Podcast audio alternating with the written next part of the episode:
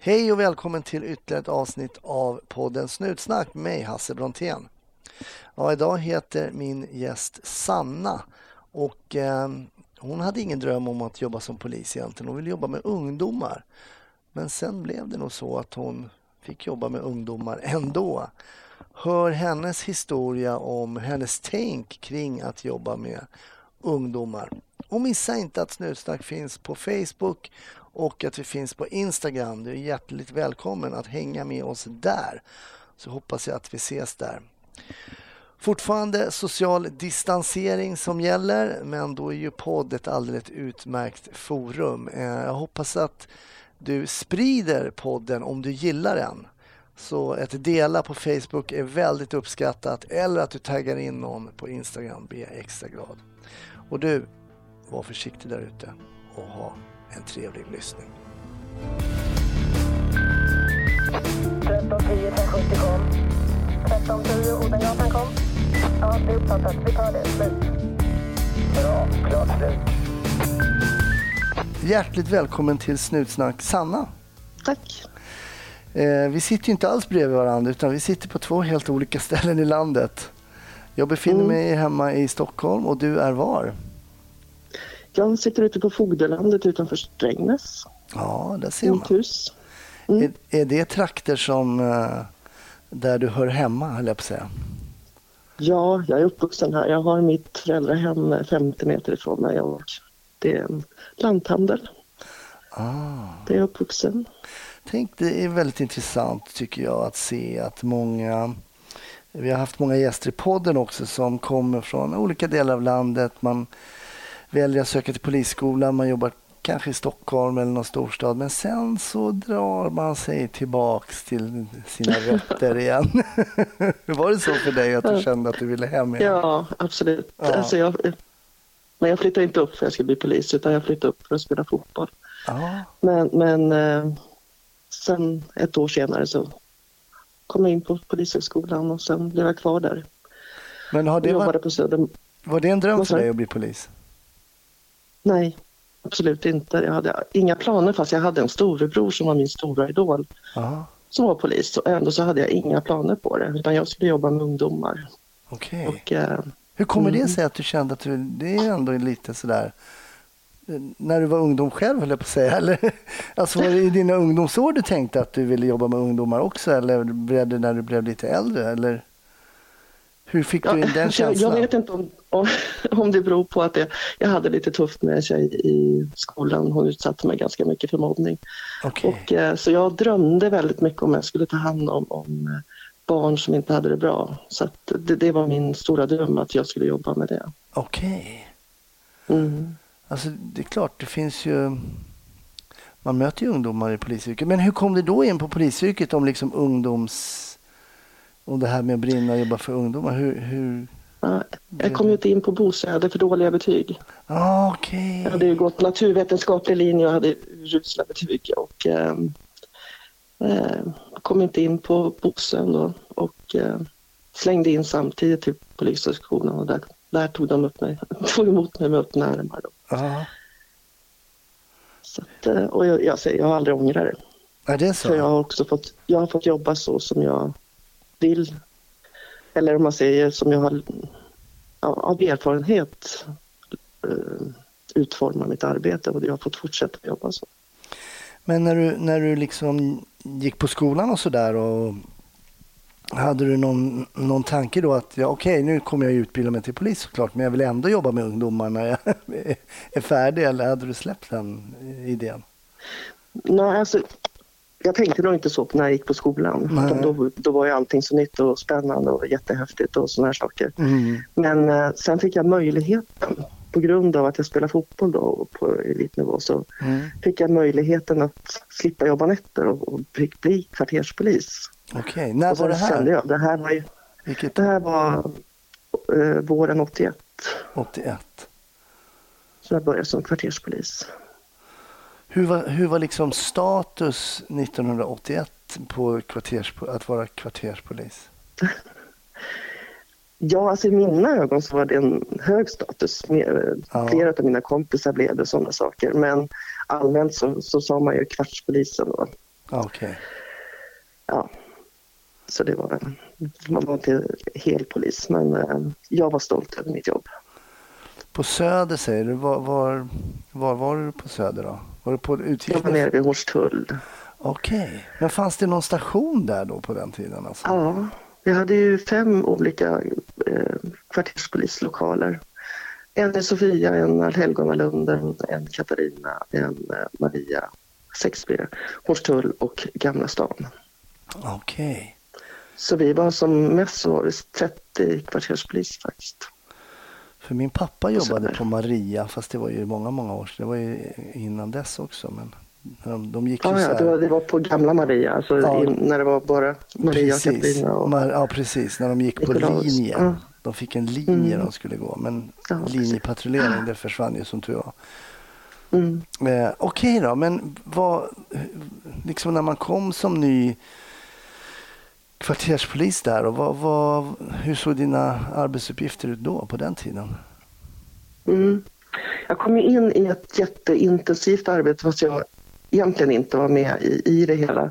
Så var det att eh, man skulle skapa, eller det blev, him, man kallar det för Himmelska fridens torg, Okej. eh, Mariatorget. Det var ju så nerknarkat och det var, ja, det var så mycket eh, skit på Mariatorget kan man säga innan jag började då på Söder. Okej. För jag har aldrig upplevt den biten som, som man pratade om då. Ut, utan att det, det, det var upprensat när jag kom. Okej. Så att eh, man hade upparbetat ett jättebra samarbete mellan SOS-fältare och polisen då. Ja. Så var Maria och Hornstullspolisen som, som jobbade ihop med SOS 4 då. Mm. Och, eh, ja, och, de, och de här fältassistenterna som var jätteengagerade. Och, och det blev ju jättebra med Mariatorget där Ja. då. Och ehm, de hade alltså ett jätte, fantastiskt samarbete med både skola och eh, SOS och fältare. Så att jag kom in i ett välfungerande arbete. Men sen, det här är ju, sen när man börjar närma sig mitten av eh, 80-talet, då börjar det bli färre poliser Ja. om man jämför med hur det var innan. Och sen 87 så lägger man ju ner kvarterspolisen, men jag jobbar ju i det här hela tiden. Var tog ni vägen då, då när man la ner kvarterspolisen? Liksom? Jag, jag hade faktiskt jobbat ett år emellan där med, och då var, jobbade jag faktiskt med Anders Schonberg på, som, på gatulangningsgruppen. Ja, som är rikspolischef Så- idag. Ja, Mm. precis. Anders och jag, vi, vi kamperade ihop. Och jag säger att det är tack vare mig han har träffat sin fru. Det gjorde han, Okej, det gjorde han på en. Hammarbyfest. Så att det, kan man träffa trevliga människor på Hammarbyfester alltså? ja, precis. Ja, ja men det är väl bra men på CVt. Jag var på gat- gatulangningen 85 tror jag det var. Mm. Och sen så eh, sen 87 så lägger man ner. Så gick jag tillbaka till kvarterspolisen. Men sen lägger man ner. Och hade bara en station kvar på vid eh, Magnus Ladulåsgatan. Mm. Men i övrigt så la man ner kvarterspolisen. Och då gick jag in och jobbade som vanligt då. Men kunde hade- du fortfarande slippa nattpass eller? Nej, nej, nej, nej, då hade jag ju slutat spela fotboll. Ja, okej. Då var jag passé. Ja. Du kunde ha det så. Nej, då, då jobbade jag nätter. Jag älskar att jobba nätter så att det var inga problem. Ah, okej. Utan det var ju mer att eh, man är inte riktigt fit for fight dagen efter man jobbar natt. Nej, Och det påverkar träning och sånt. ja men såklart. Ja, men, men ja. Så att eh, Men jag kom, gick tillbaka och jobbade som vanligt och var på radion ett år och var ute på skolan i åtta månader som instruktör. Ah, okej. Vilket, Tills år, vilket år var du på skolan då?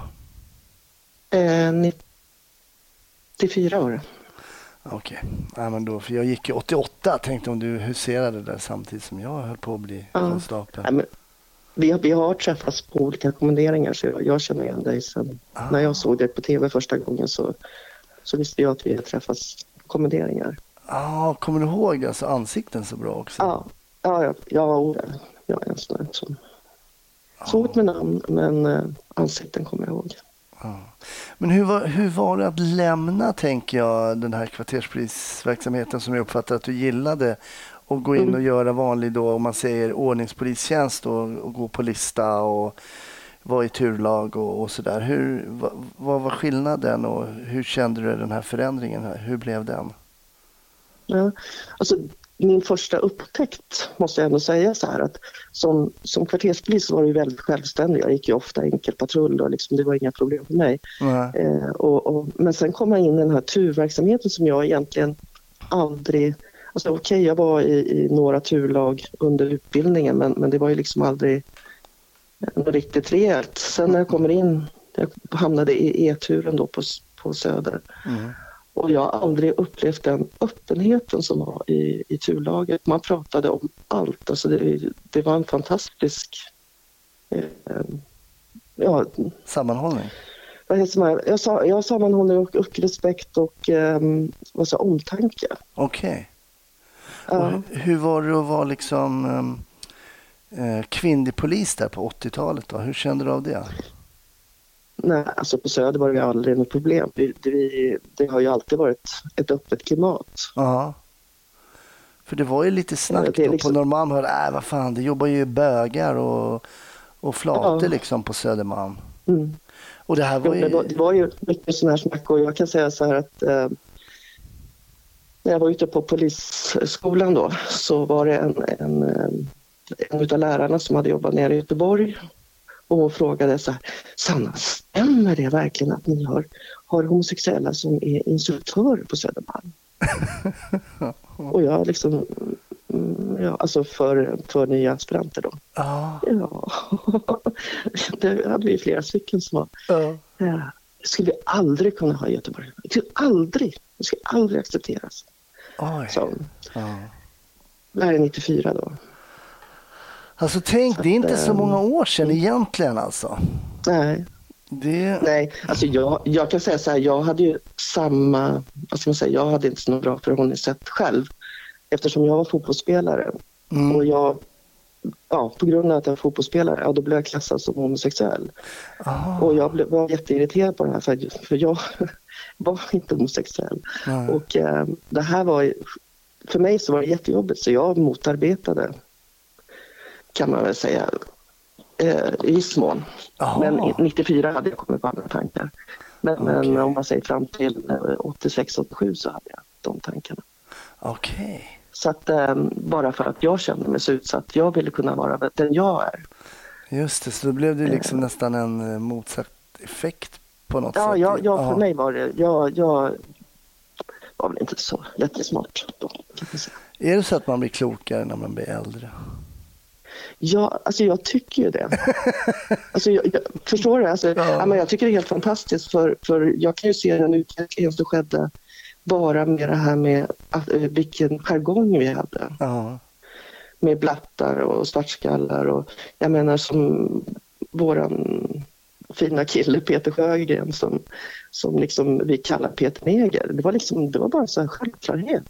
ja. Ehm, Vad sa vet han? Peter Va, va, Alltså, va, vad sa han? Nej, men han, han bara garvade då, men alltså så, vad vi såg. Men det kanske han inte alls gjorde in i vet det. Sen är det ju aldrig någon som liksom kommer på tanken och säger att då var det bara en självklarhet bara för att man skulle hålla reda på vem, vilken av Petrarna man pratade om. Ja, det. Det, det blev, men han kanske var jätteledsen för det, jag vet inte. Eh, och, och det här är ju sånt här som liksom vi... För jag, jag högaktar Karin Götblad, hennes eh, idéer om förändring eh, var mycket sån här...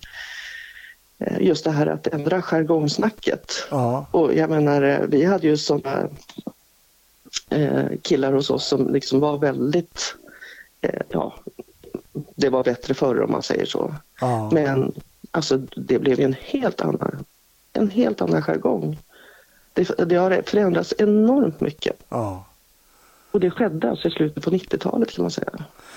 Ja, just det. Jag kommer faktiskt Mm. ihåg eh, när vi började fotpatrullera på Plattan.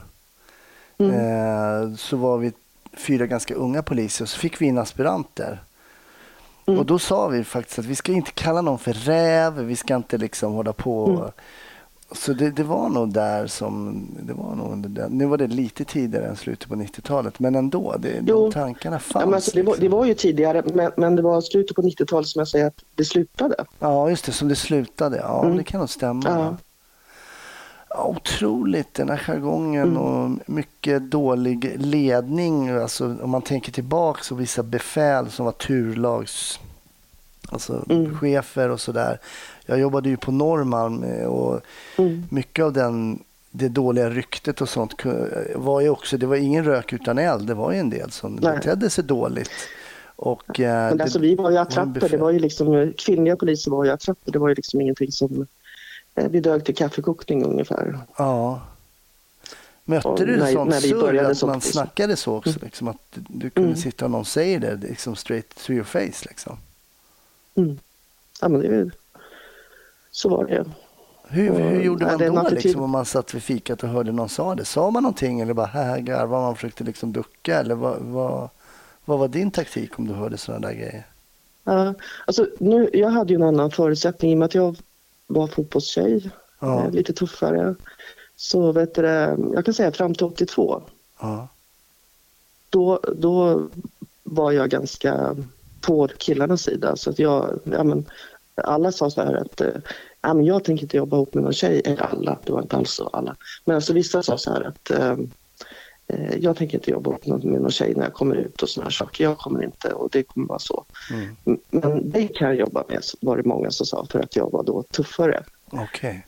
Utan att vara tuff, alltså jag att det var fysiskt tuff, inte att jag var tuffare i attityden. men Ja, Fysiskt tuff då. Och, ehm, och jag bara tyckte det, ja, ja men jag klarar mig ju. mm, jag fattar. Eh, kommer Tills, alltså, 82, då började jag fundera, men fan jag håller på att trampa med mitt eget kön. mm. Vad håller jag på med? För jag liksom gick med på den här jargongen då och liksom tyckte, ja, jag förstår att du inte gillar att jobba med henne och såna här saker. Just det.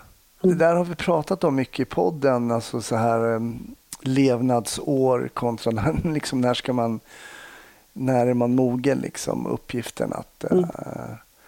Eh, peka med hela handen och säga åt människor och göra saker som de inte vill och så vidare. Mm. Och, nej men jag har ju konstaterat för länge sedan att jag till exempel var alldeles för ung med mina 21 år. Och, och Absolut, och borde- jag var samma med mig. jag borde ha... Vet, Jag var nästan bland de äldre när jag började. Jag skulle fylla 22 år. Ja, du ser. På den Jag tiden var kom ju... in eh, 4 september 78 och sen skulle jag fylla 22 i december. Ja. Eh, Jag var 36 äldst utav de 120 som kom till Stockholm. Förstår du? Av den kullen? Ja, Oj, jäklar. det var 120 som kom till Stockholm. Ja, det är otroligt. Ja, vi hade en tjej i min klass som var 19. Ja, Jag hade massor, jag hade massor med klasskompisar. Jag, utav mina klasskompisar, jag tror inte att, eh, jag tror inte tio är kvar i, i, i verket på grund av att det var så många unga som kom in. Ja. ja, det är intressant. Idag är ju medelåldern eh, eh, högre, vilket ju tror jag bara är, är, är till fördel för alla inblandade, både de som söker och de som blir Mm. de som blir... Ja, nej men jag, sen såg jag också, bara rent fysiskt såg jag väldigt ung ut, så jag hade väldigt svårt liksom för att folk skulle kommentera, äh, men dra tillbaks till plugget och du vet, så det såg ut som 15 Nähä. när jag var så här, ja, var mycket så. Eh, och en del, när jag var civil, jag trodde inte ens att, så här, att jag var polis. Nej, men en snorvalp. Idag man blir jätteglad. Du ser så ung Ja, så gör jag. Jo, men jag tackar, jag tackar. Ja, ja men det, så har jag faktiskt aldrig blivit behandlad, det kan jag säga. mm, nej, några gånger kommer jag absolut ihåg. Alltså. Ja. Däremot så har jag känt mig, eh, eftersom jag inte har några egna barn, Ja, och det kan jag känna att jag har haft ett jätteminus för att jag har inte lärt mig att sätta gränser på ett sätt utan jag är lite grann eh, eget ansvar. Alltså att eh, man har ett eget ansvar och alla ska veta ungefär vad gränsen är. ja, Men har man barn så är man mycket tydligare oftast. Eller att man har hund och sådana saker. Att det är liksom att man lär sig ja att kanske. gränser är väldigt viktiga. Ja, Och där kan jag känna att jag lärde mig enormt mycket. Jag, jobbade jättemycket ihop med en kille, Lasse Nyström. Eh, Och han var ju en fantastisk norm. Han, han, han kunde verkligen liksom var gränserna skulle gå. Så jag lärde mig enormt mycket av honom. Okej. Så vi jobbade ihop fram till 87 då. Var han äldre i, i tjänsten dig? Ja, och eh, han var ju åtta år äldre än mig. Okej. Mm. Och i levnadsåldern, nu vet jag inte, han var väl ungefär det i tjänsteår också. Ja. Det där är ju också när man börjar jobba som polis, att man får liksom en sån kollega som där man kan säga att den personen lärde mig väldigt mycket. Mm. Jag har också såna väldigt viktiga personer i min som lärde mig och också, om jag får säga så, de rätta grejerna liksom. Eh, Mm. För att en del kommer in och får handledare och kanske förebilder som de ser upp till men som lär ut fel grejer. Ja, Och man, upp, man ser upp till dem och, och så blir det då liksom negativa synergieffekter av att man liksom blir Mm. imponerad av de som lär ut fel. Men han var en sån som då lärde ut rätt och som du lärde dig mycket av. Ja, ja, oh ja. Han, han, var en, han var en polis. Hans pappa var ju polis och eh, hans lillebrorsa var polis. Mm. Eh, så att eh, de, han hade verkligen en sån här rättspatos som var fantastisk och oerhört respekterad i Hornstull. Mm. Men, Tyvärr så gick han bort väldigt ung. Han var bara 39 år när han, oj, tror han fick hjärntumör och eh, dog. ja, så är Men det. det var en väldigt fin kille. Så det, Men, väl respekterad. Ja, och hur blir man då respekterad som polis i Hornstull till exempel när ni jobbade där? Hur, hur fick han respekt? Respekt är ju ett ord som kan användas lite, men alltså som i ordets rätta Ja. bemärkelse så att säga. Mm. Hur kunde man uppnå Ja, men det är väl att man är, är ärlig, inlyssnande och eh, eh, positiv. tror jag också är en ganska stor del utav att man är en, en som kan förmedla hopp lite grann. Mm. Det, det, det tror jag mycket på. att man eh, Och just det här att man är inlyssnande och men ändå eh, tydlig och rak. Mm. Mm. Och det var, tydlig och rak var han verkligen. Alltså det var, Men, så det, där var en läromästare. ja, det var det. Mm. Men när ni gick i Hornstull, visste ungdomarna vad ni hette? Och, alltså var det på den nivån? Oh ja. Oh ja. Okej. Eh, Lasse var ju så välkänd, alla visste vem Lasse var. Det var ju så många som sa så här att, för det var många kriminella. Vi hade ju, om man säger Hornstull, då var det en helt annan stadsdel än vad det är idag. Ja. Eh, och ehm, då, det var ju många som sa så här att alltså jag kan göra mycket skit, jag skiter i att polisen snor mig, bara det inte Lasse. Ah, Okej. För jag vill inte göra Lasse ledsen. Det är liksom, det, det var Ah, det ungdomarna sa. just det, så att man liksom Men, men, upp men som, jag, som ny polis kan jag säga så här att jag kände mig inte respekterad. Det var ingen som ville prata med mig Aha. eh, förrän efter ungefär två år. Oj, det Och det är det här som jag kan se mycket. Det är där den här personalomsättningen och man flyttar och man bygger upp ett eh, nätverk och sen så bara man sticker för att man måste få en tjänst för att tjänst, annars får du inte högre lön. Ja, Och det här kan jag bli så retad på. Det här gäller ju inom skolan och polisen och alla som jobbar med ungdomar egentligen. Mm. Eh, För att få en högre lön måste du söka en ny tjänst. Och när det egentligen är, är trygghet som de flesta ungdomar behöver. Snutsnack sponsras av Polisförbundet.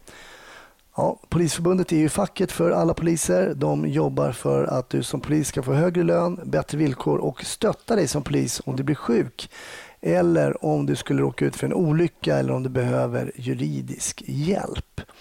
Jag vet inte om du känner till något som heter Polisskadestiftelsen. Det är så att Polisförbundet kan även ge stöd till de poliser som har utsatts för våld och hot i tjänsten och har då sedan en lång tid tillbaks en fond som heter Polisskadestiftelsen. Visste du att eh, enligt en undersökning från Polisförbundet så visar det att var fjärde polis som jobbar på ingripandeenheten, alltså utryckningspolis, det vill säga 25 procent av dem har blivit spottade på och lika stor andel har utsatts för sparkar och slag och det är de senaste 12 månaderna. Mm, eh, den här stiftelsen, då, Polisskadestiftelsen, kan ge ekonomisk ersättning till dig som polis om du har blivit utsatt för brott, eh, våld och skadats i tjänsten. Stiftelsen har sedan starten delat ut över 5 miljoner kronor till poliser som har utsatts för brott i tjänsten. Känner du dig eh, träffad som polis så tycker jag att du ska höra av dig till Polisförbundet. Och du som lyssnar kanske vill stödja den här fonden och hjälpa poliser som har skadats eller blivit utsatta för brott i tjänsten. Då tycker jag du ska swisha en gåva, stor eller liten, till 123 455 9597. Alltså 123 455 9597. Alla gåvor, stora som små, är givetvis välkomna. Men du säger det, det tog alltså två år ändå av fotpatrullerande i då den här mm. i Hornstullsområdet liksom. Och vad hände då? Hur kunde du känna liksom att, att det hände någonting annat efter två år när du liksom pratade med de här ungdomarna? Vad var skillnaden då? Ja, jag ska inte säga ungdomar utan det kanske var egentligen mera vuxna vad det gäller just okay. den biten. Ah, okay. För att ungdomar de är ju mera eh, i nuet. Ja, Medan de vuxna de vill ju ha det här mer att eh, nej, har du lagt sig där? Ja. Och, jag menar, då fick man ju prata med nästa så det var ju inte ett utan om det. Ja, Ibland var jag ledig så då fick jag ta det. Men, men, men efter två år då, då, då var det helt okej okay att prata med mig. Okay. Så att eh, det, och jag tycker ju, det här har man också återkommit till lite grann, att det är, jag vet inte, det, det känns som att man inte behöver vara professor i poliskunskap eller kriminologi för att förstå att det krävs ett långsiktigt tänk att jobba liksom mm. som kvarterare, närpolis eller kalla det vad du vill för att få liksom ett, eh, en, en, kontakt med de människor som bor i området. Mm. Man tycker att det ska... Det är oerhört viktigt. Ja. ja. Jag brukar alltid be min gäst berätta en story och du har ju många år bakom dig i, inom polisen. Mm. Och jag är jättenyfiken vad som, vad som kan finnas i minnesbanken som poppar upp när den frågan ställs till dig. Vad, vad, vad tänker du? Nej, men jag har, alltså det som, har präglat, eller som präglar mitt arbetssätt det, det, är en lång historia, men jag skulle gärna vilja berätta den. Ja, låt höra. Uh, uh, jag berättade om det här enormt bra samarbete vi hade mm. i Hornstull.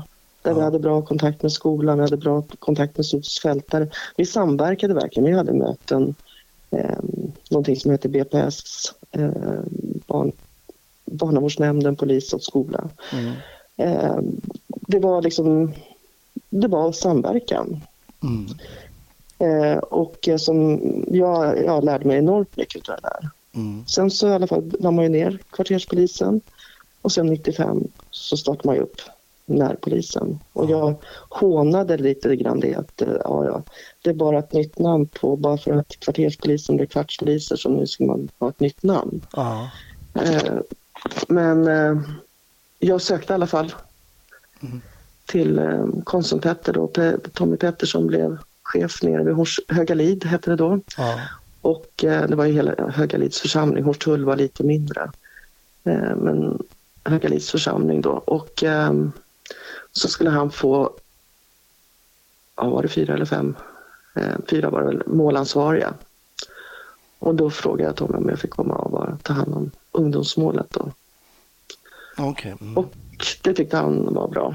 Så att eh, jag eh, fick då i och med det, då hade jag varit ute på skolan där åtta månader så att i mars 95 så fick jag gå massor med olika, på, på, på olika föreläsningar. Mm.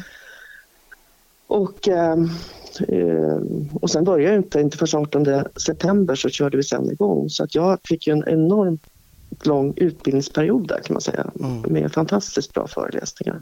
Bland annat så var det en, en poliskommissarie eller inspektör från eh, Göteborg, Hans Svensson, som eh, berättade att han var ju egentligen socionom ja, socionom, och hade jobbat som socialsekreterare. Mm. Och, eh, men han kände att han hade inte verktygen att agera med när inte för, för, alltså en familj fungerade. Okej. Så att då eh, ombildade, utbildade han sig till polis istället och då kände han att då hade han mer handfast, han kunde göra någonting.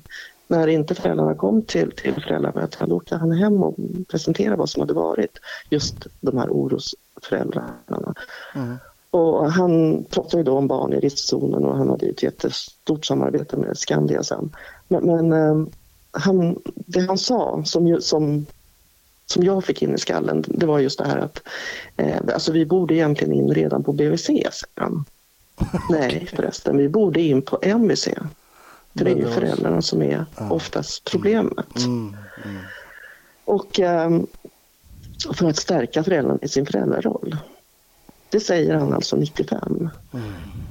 Och, ehm, och jag började tänka här när jag sitter och lyssnar på det här. Och, ehm, och då började jag tänka på men hur gick det för våra ungdomar? Det här bra samarbete vi hade på 80-talet. Det var, för det var ju så fantastiskt samarbete. Och då började jag tänka att fasiken. Alltså, det var ingen som hade klarat sig. Alla var ju grovt kriminella eller döda, de vi hade jobbat med. Det var så alltså? Vi som hade så fantastiskt bra samarbete. Men ingen av dem, de är ju fasiken grovt kriminella allihopa de här som vi jobbar med. Okej. Vi hade ju total misslyckats fast vi hade så bra samarbete. Ja.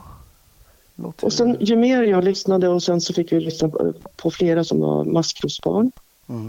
Och de berättade ju om att hur, vilket helvete de hade haft hemma. Mm. Eh, och det som hade hjälpt dem det var att någon hade sett dem. Och det kunde ju vara en fältas, alltså eh, någon fritidsledare eller lärare eller eh, någon släkting som hade sett vilket elände de hade. Mm. Alltså förstått, ska jag säga. De kanske inte hade sett eh, Nej, visuellt men, men de hade förstått vilket helvete barnet hade. Och när de kände den här medkänslan så kunde de Agera liksom. gå vidare. De kunde stärka upp sig själva. Mm. Förstår du? Liksom, de kunde rädda sig själva genom att de blev sedda. Jag fattar. Ja. Ja. Och, och då bara kände jag så här att men gud, det här är ju det här är helt annorlunda. Och, jag hade alltid, kan jag säga så här, varit orolig för att man stämplar barnen. Ja. Att jag, jag, var, jag vill inte ut, ge ut några namn där vi fan, hade en oro när vi jobbade då på 80-talet om inte den här själv, alltså man upplevde att den här hade ju faktiskt valt ett kriminellt liv. Jag var jättenoga med det så att det här stämplingsgrejen, det, det, liksom, det, det tror jag inte vi ägnade oss åt förutom att vi kanske kunde ha en, en jag vet Lasse skämtade ofta så här, ja, tjena Lasse, eller tjena Kalle, hur är det? Ja, vad har du att skämmas för idag? Eller, ungefär.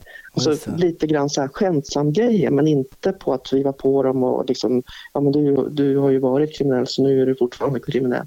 Vi, vi var aldrig på dem så men, Ja. men, eh, men vi hade kanske en, en underton att vi inte litar på dem.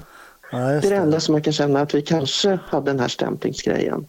Men, men, men i övrigt så tror jag inte att det var det som gjorde utan det här var totalt osedda barn och sina föräldrar lite grann.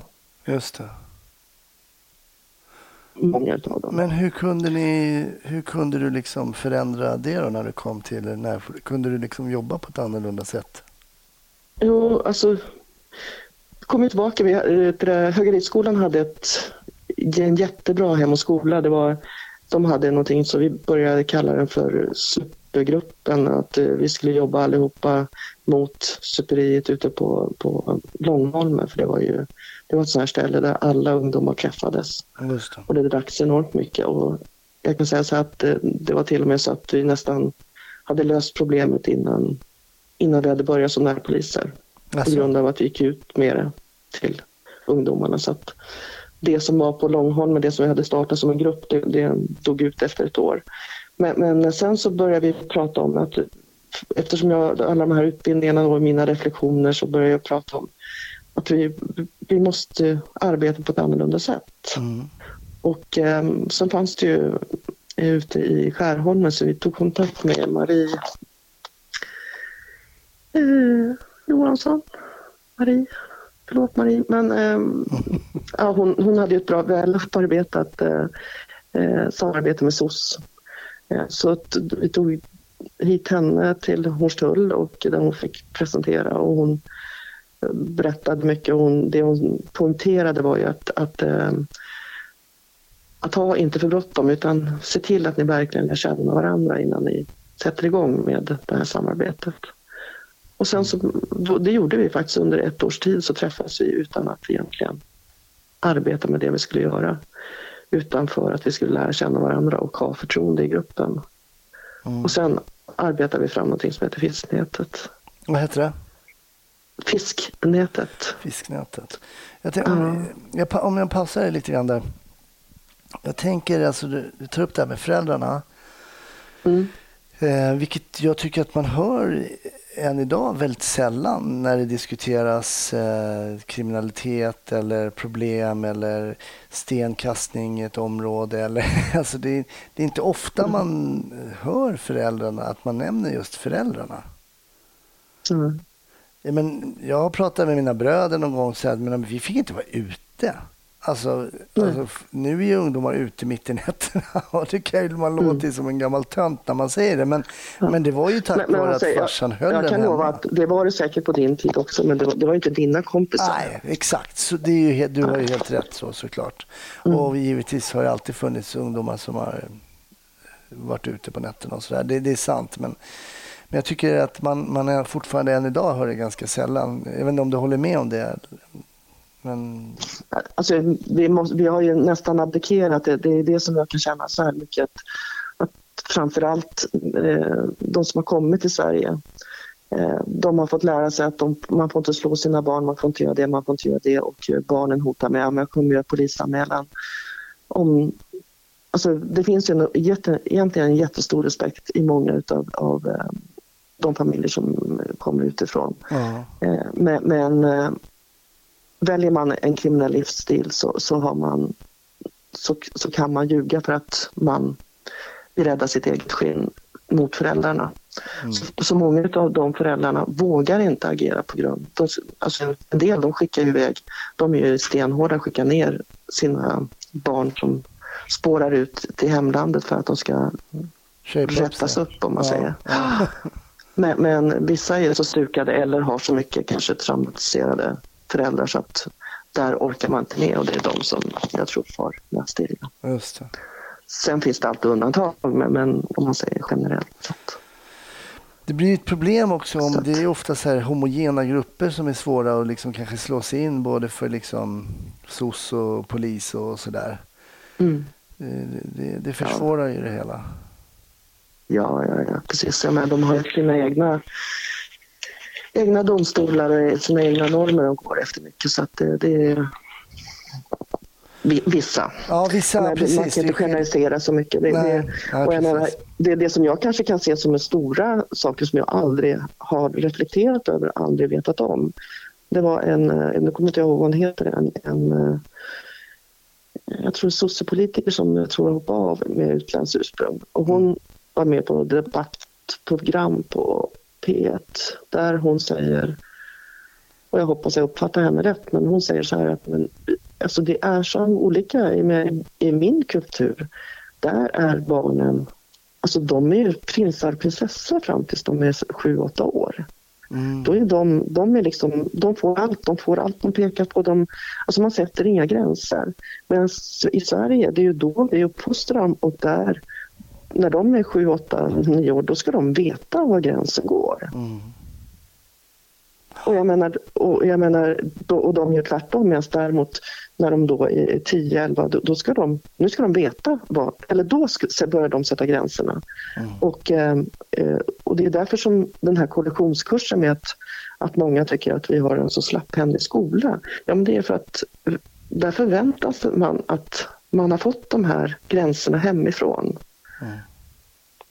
Och då är det inte undra på att det är så stor skillnad. Det här tycker jag är jätteviktigt att man pratar om framförallt. Och jag brukar stå, för jag träffar mycket nyanlända och på SFI och eh, pratar om hur mm. Sverige är.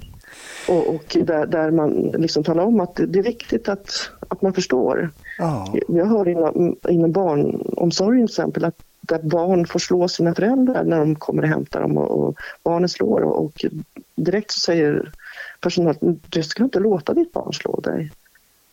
Okej, sätta att Du måste sätta de här gränserna. Mm, okay. mm. Ja, nej, det är klart, det finns ju oerhört och när vi när, det är klart Mm. från alla världens hörn när man har olika inställningar och kanske när man kommer från länder där man inte har en stat, alltså där, eh, där klanen styr och sätter liksom lagar och regler och vem som ska gifta sig och det ena med det fjärde sånt som är helt främmande Jo. eh, för andra kulturer liksom. Så att eh, det är klart, sånt sätter ju, mm, det, det sätter ju problem i det här väloljade svenska liksom, Mm. systemet. Ja. Men, Men- jag ska bara komma till, till Ja, precis. med det här, det här ja, som jag pratade exakt. om. Ja, förlåt, det var jag som pausade in där lite. Ja. Ja. Nej, men det, det här med att ehm, just vad, vad de här um, maskrosbarnen berättade om. Mm. Eh, det, det, det, det, blev en, det blev min... Alltså, det var det jag tog fasta på. Mm. Eh, även en annan sak om, om som en eh, läkare, jag var på föreläsning och lyssnade på Lars Augustasson, en, en barnläkare, eh, där han skulle prata inför socialsekreterare, lärare och poliser. Där han pratade om, om de olika bokstavsbeteckningarna och det här, du får betänka det här är alltså slutet på 90-talet någon gång. Eh, Och då säger han så här att eh, efter nästan 75 procent av föreläsningen han hade då så säger han så här, nu ska jag säga någonting innan vi går på fika som jag egentligen inte får säga, men jag vill säga det här. Mm. Och, och det är det här att ni ska självklart inte ställa några diagnoser, det är inte det ni ska vara till, utan ni ska ge framförallt de här barnen hopp. Ni måste ge dem hopp. Mm. Um, liksom man ska hela tiden skylla på en bokstavsbeteckning, men ge dem hopp. Det är väl massor som, med bokstavsbeteckningar som har lyckats i livet. Mm. Eh, de, ge dem ett hopp. Och då, då kände jag också det här, det här är någonting som är oerhört viktigt.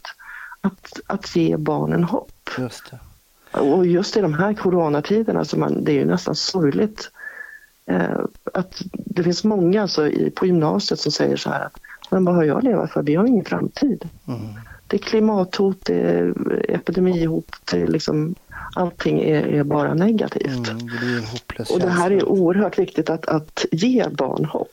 Men du nämnde vad Eh. maskrosbarnen sa. Vad, vad var det som de sa då? Så du sa att det, det tog dig. Du, det var, det deras, Ja, men som det det deras de sa, det var det här med att, att någon ska, att, Någon att, såg bli dem. bekräftad. Ja, Att- just det. Ja, det är det Mm. som är det viktiga, att Precis. bli bekräftad. Att bli bekräftad. Ja. Och, ehm, och, och så, så att vi när, i det här frisknätet, då var det liksom att vi skulle se de här barnen som vi visste inte hade det så lätt hemma. Mm. På grund av olika saker som vi, våra, eh, vi visste hur, hur familjen kanske var och hur det var. Och så kunde vi på olika sätt se de här och kanske ägna lite mera tid åt dem. Mm. Fast då Höga Lidsskolan var en skola med sju, ja, då var det 900 ett tag elever, så skulle vi då, och det var ju liksom, vi hade, det var kyrkan som var med, det var fältassistenter, det var parklekar, eh, det var vi poliser och eh, sen elevhälsoteamet. Vi var bara vi var ett gäng på nio stycken tror jag det var, så det var inte en jättestor grupp. Men vi träffades max 45 minuter var 14 dag och liksom lite grann fick uppdrag. Och är det så att vi upplevde att nej, men det här är för tufft, för SOS var inte med, för de sa att nej, det här kan inte vi, vi kan inte jobba på det här sättet. Och jag menar, var det så att det här, vi når inte, då är det självklart att vi skriver SOS-anmälningar, så var det så 14 man skrev. Men, men i övrigt så, så försökte vi på varsitt håll, där man hade bra relation till barnen, eller det barnet, så försökte man stärka det barnet lite extra och se det lite extra. Eh, och, och, ehm, och jag upplevde att vi gjorde ett väldigt bra jobb. Mm. Eh, sen i alla fall, det som nu ska komma till klon i det hela. Mm. För att, eh, att jag, jag alltså många har ju ifrågasatt det. Jag menar, ska ni jobba på det här sättet? Det, det var ju till slut bara Horst som jobbade med ungdomsmålet. Alla andra nästan la ner den verksamheten på närpolisstationerna. Men jag benhårt höll fast i det här. Mm. Jag kämpade jättemycket med det. Ja. Och, eh, eh, men blev ifrågasatt. Men i alla fall så, så var jag sen på slutet på 2008, 2009 någonting sånt där. Så var jag på en eh, föreläsning, eller det var jag sån här eh, föreläsningsdag på Östermalm på Mm. kommer inte ihåg vad det heter, mittemot fältöversten där. Eh, så, så var vi där och eh, så var det en kvinna som skulle prata om, hon var rektor på Vikingaskolan i, i Handen. det var en efter fem-skola och så skulle hon berätta om att sätta barn eller föräldrar i guldsits. Jaha, vad innebär det? Eh, Det innebär att eh, man ska eh, istället för att man ringer hem när det har hänt någonting dåligt. Just de barnen som Ah, man vet, det här är de barnen som liksom ständigt får, får eh, samtal och där föräldrarna får samtal hemma om att nu har Kalle gjort det och nu är det det här som har hänt och så. Så, så vänder man på det, så man ringer hem när Kalle har gjort något bra. Ah, och så berättar hon om just det här att hon har ringt. Hon, hon, när hon kom till skolan så liksom går hon i korridorerna och ser, det sitter massor med barn ute i korridorerna och hon liksom frågar varför sitter du här? Eh, ja, ja, i och med att lite grann så jag fick gå ut. Jaha. Eh, mm. Och så har hon suttit och pratat och sen så ringer hon hem till pappan som är hemma och han börjar störtböla, pappan. Mm. För då säger han så liksom att det här är första gången någon ifrån skolan har ringt och sagt något positivt om min son. Okej. Eh, och eh, hon fick ju lärarna att uppmärksamma det positiva och till slut så hade de inga barn i korridoren.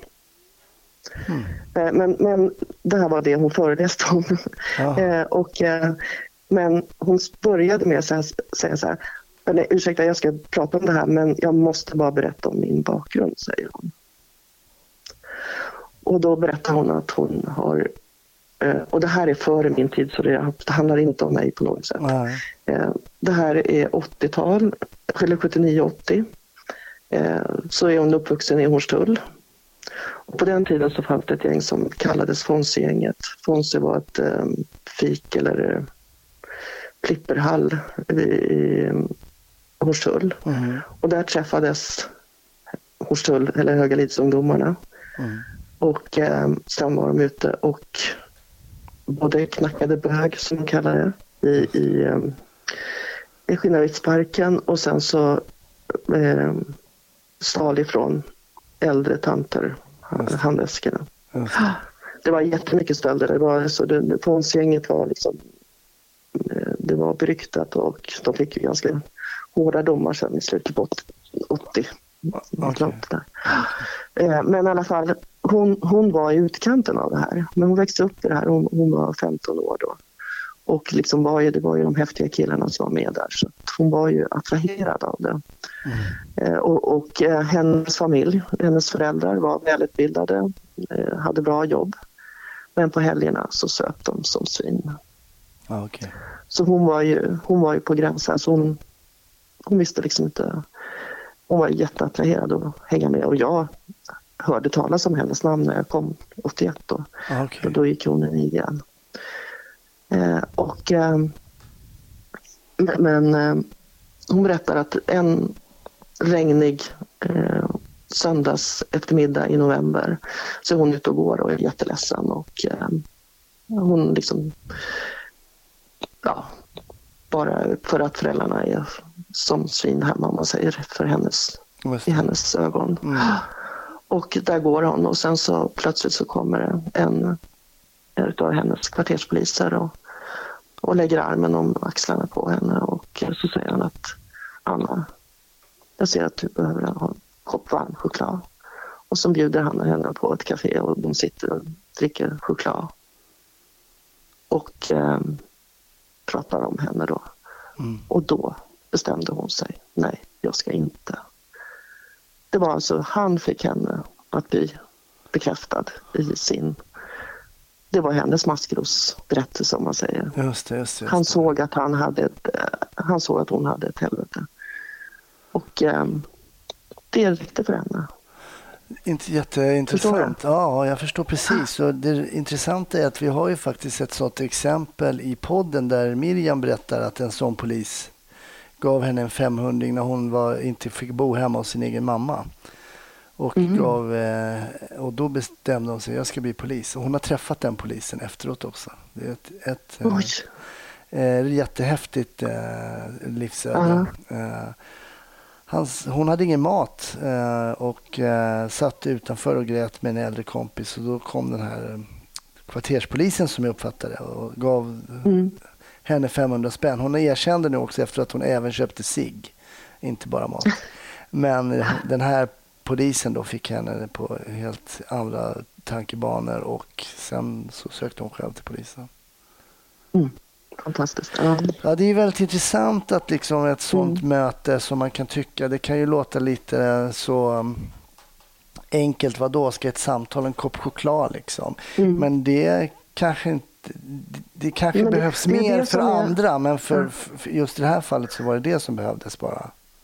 Ja, och, och det hon kände, alltså, han förstod att hon hade ett helvete. Ja, Och det är ju det som är när man har den här fasaden utåt med välutbildade föräldrar med bra jobb. mm, mm. Så tror man att allting är frid och fröjd innanför hemmets fyra väggar men det är inte alltid det. Nej, precis. Det, den titelnamn, det är så titeln som står under visitkortet, om folk har visitkort nu för tiden vet Mm. jag inte. Men det är ju oftast ganska ointressant när det kommer till sådana saker.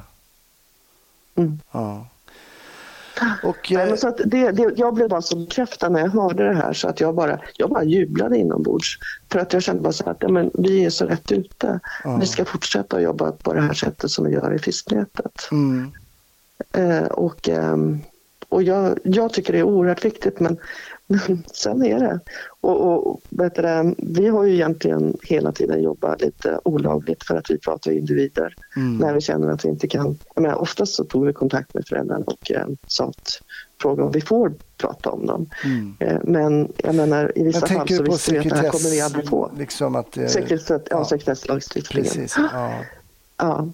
Eh, och ehm, i viss mån så får man göra det när det är för barns bästa. Mm. Eh, men alltså, man får egentligen inte göra det mot föräldrars vilja. Mm.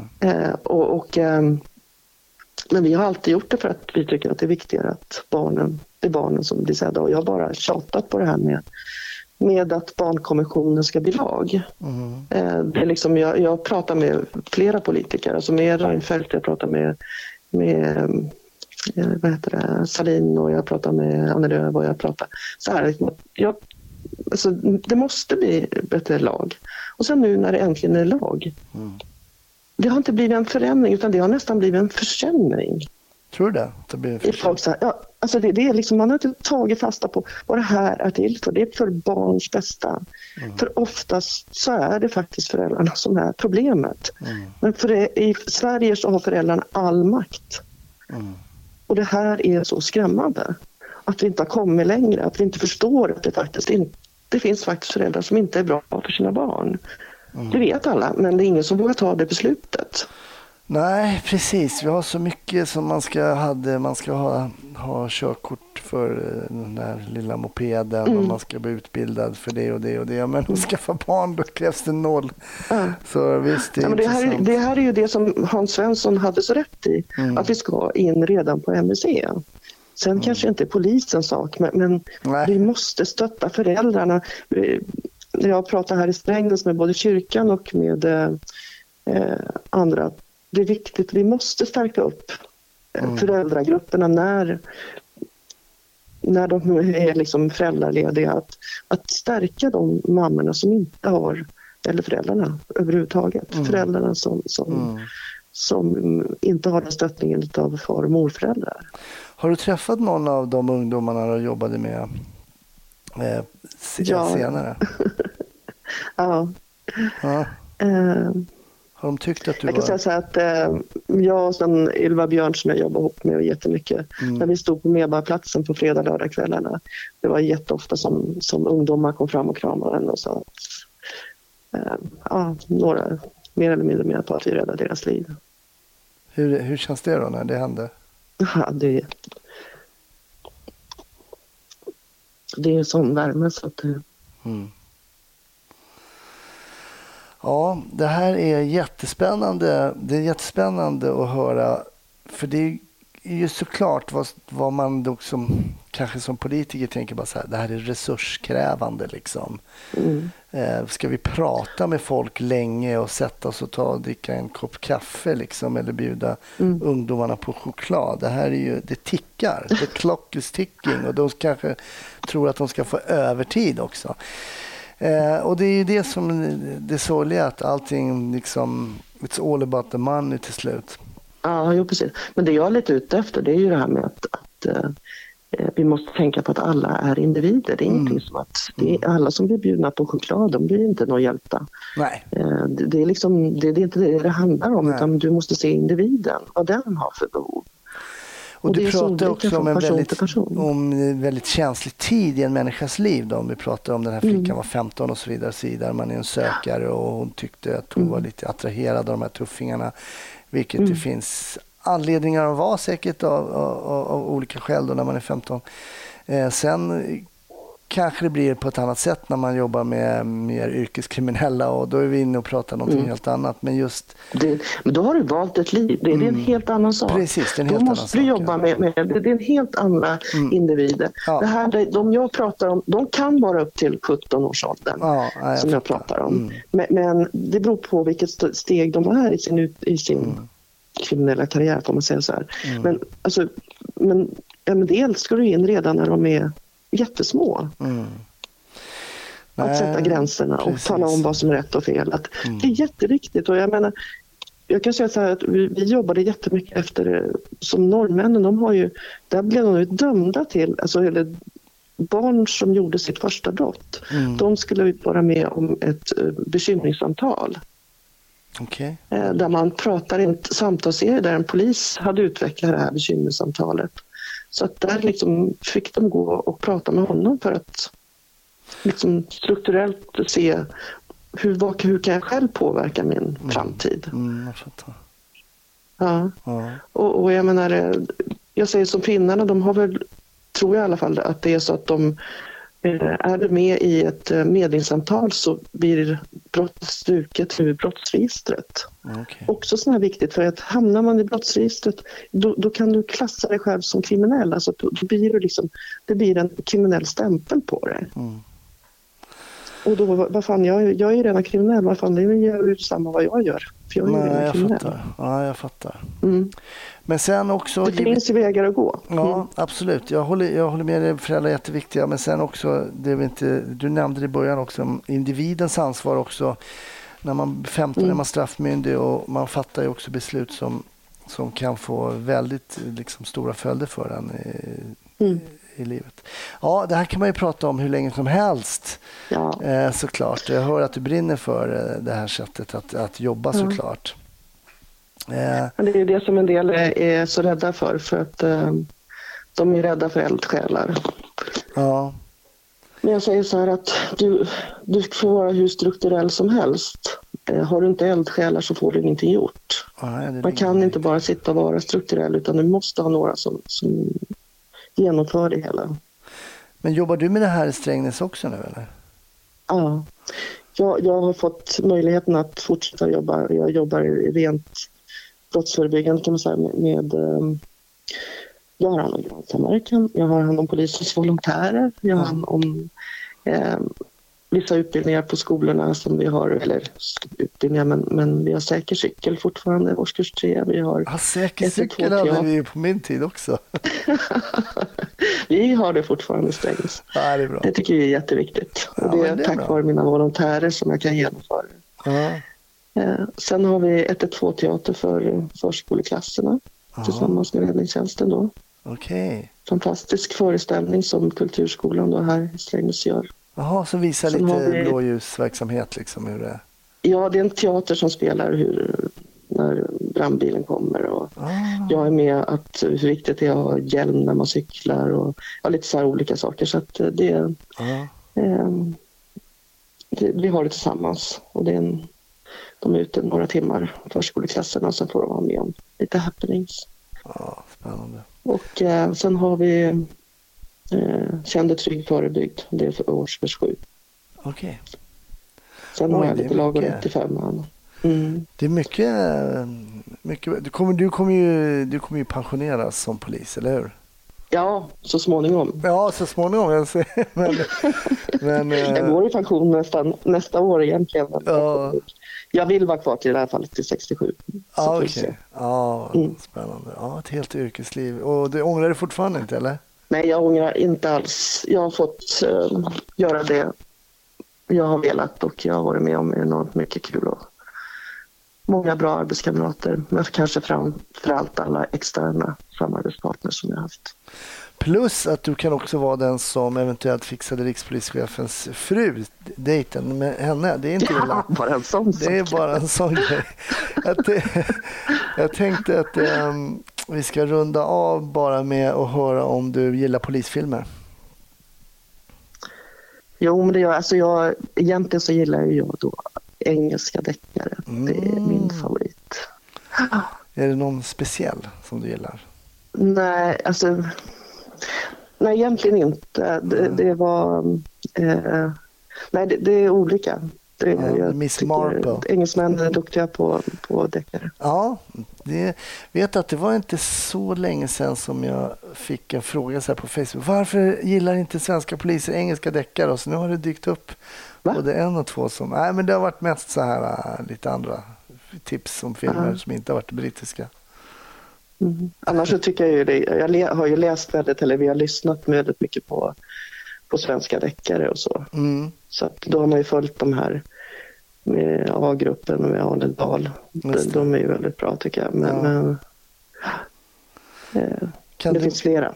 kan du märka ibland så här när du läser en roman eller någonting så tänks ah, där var lite brist i researchen. Ja, ja, såklart. absolut. Ja. Så är det. Men det är ju fiktion och det är helt okej tycker jag att man inte kan alltid. Mm. Ibland är det också lite De måste ju få en story också. Så att det, Ja, herregud. Tänk att skriva om en dag i Strängnäs. Det blir kanske inte den bästa deckningen. Inget ont om det, det, Strängnäs. fin, det finns mycket kriminalitet här också. Ja, man får, men man får komma rätt Tyvärr. dag. Ja, man får komma rätt dag. Mm. Ja, nej, men jag menar det ändå, även en dag i Stockholm kan också vara eh, ganska, en natt kan vara eh, ganska lugn och sådär också. Ja, ja visst. Och inte vara Absolut. någonting för en deckare. Mm. Men stort tack eh, att jag fick ringa och störa dig och fick höra det här sättet som eh, du jobbar på. Och eh, Mm. också viktiga tankegångar kring det här med att se individen och att, eh, Ge att hopp. Det här, ja, ge hopp och säga de positiva grejerna som kanske generellt, särskilt dessa coronatider, alltså ring upp någon, alltså det har ingenting med kriminalitet att göra och säg de här bra grejerna. Vi behöver ju det allihopa, eller hur? Mm. Jättetack! Tack. Ha det bra! Ha det gott. Tack. Hej.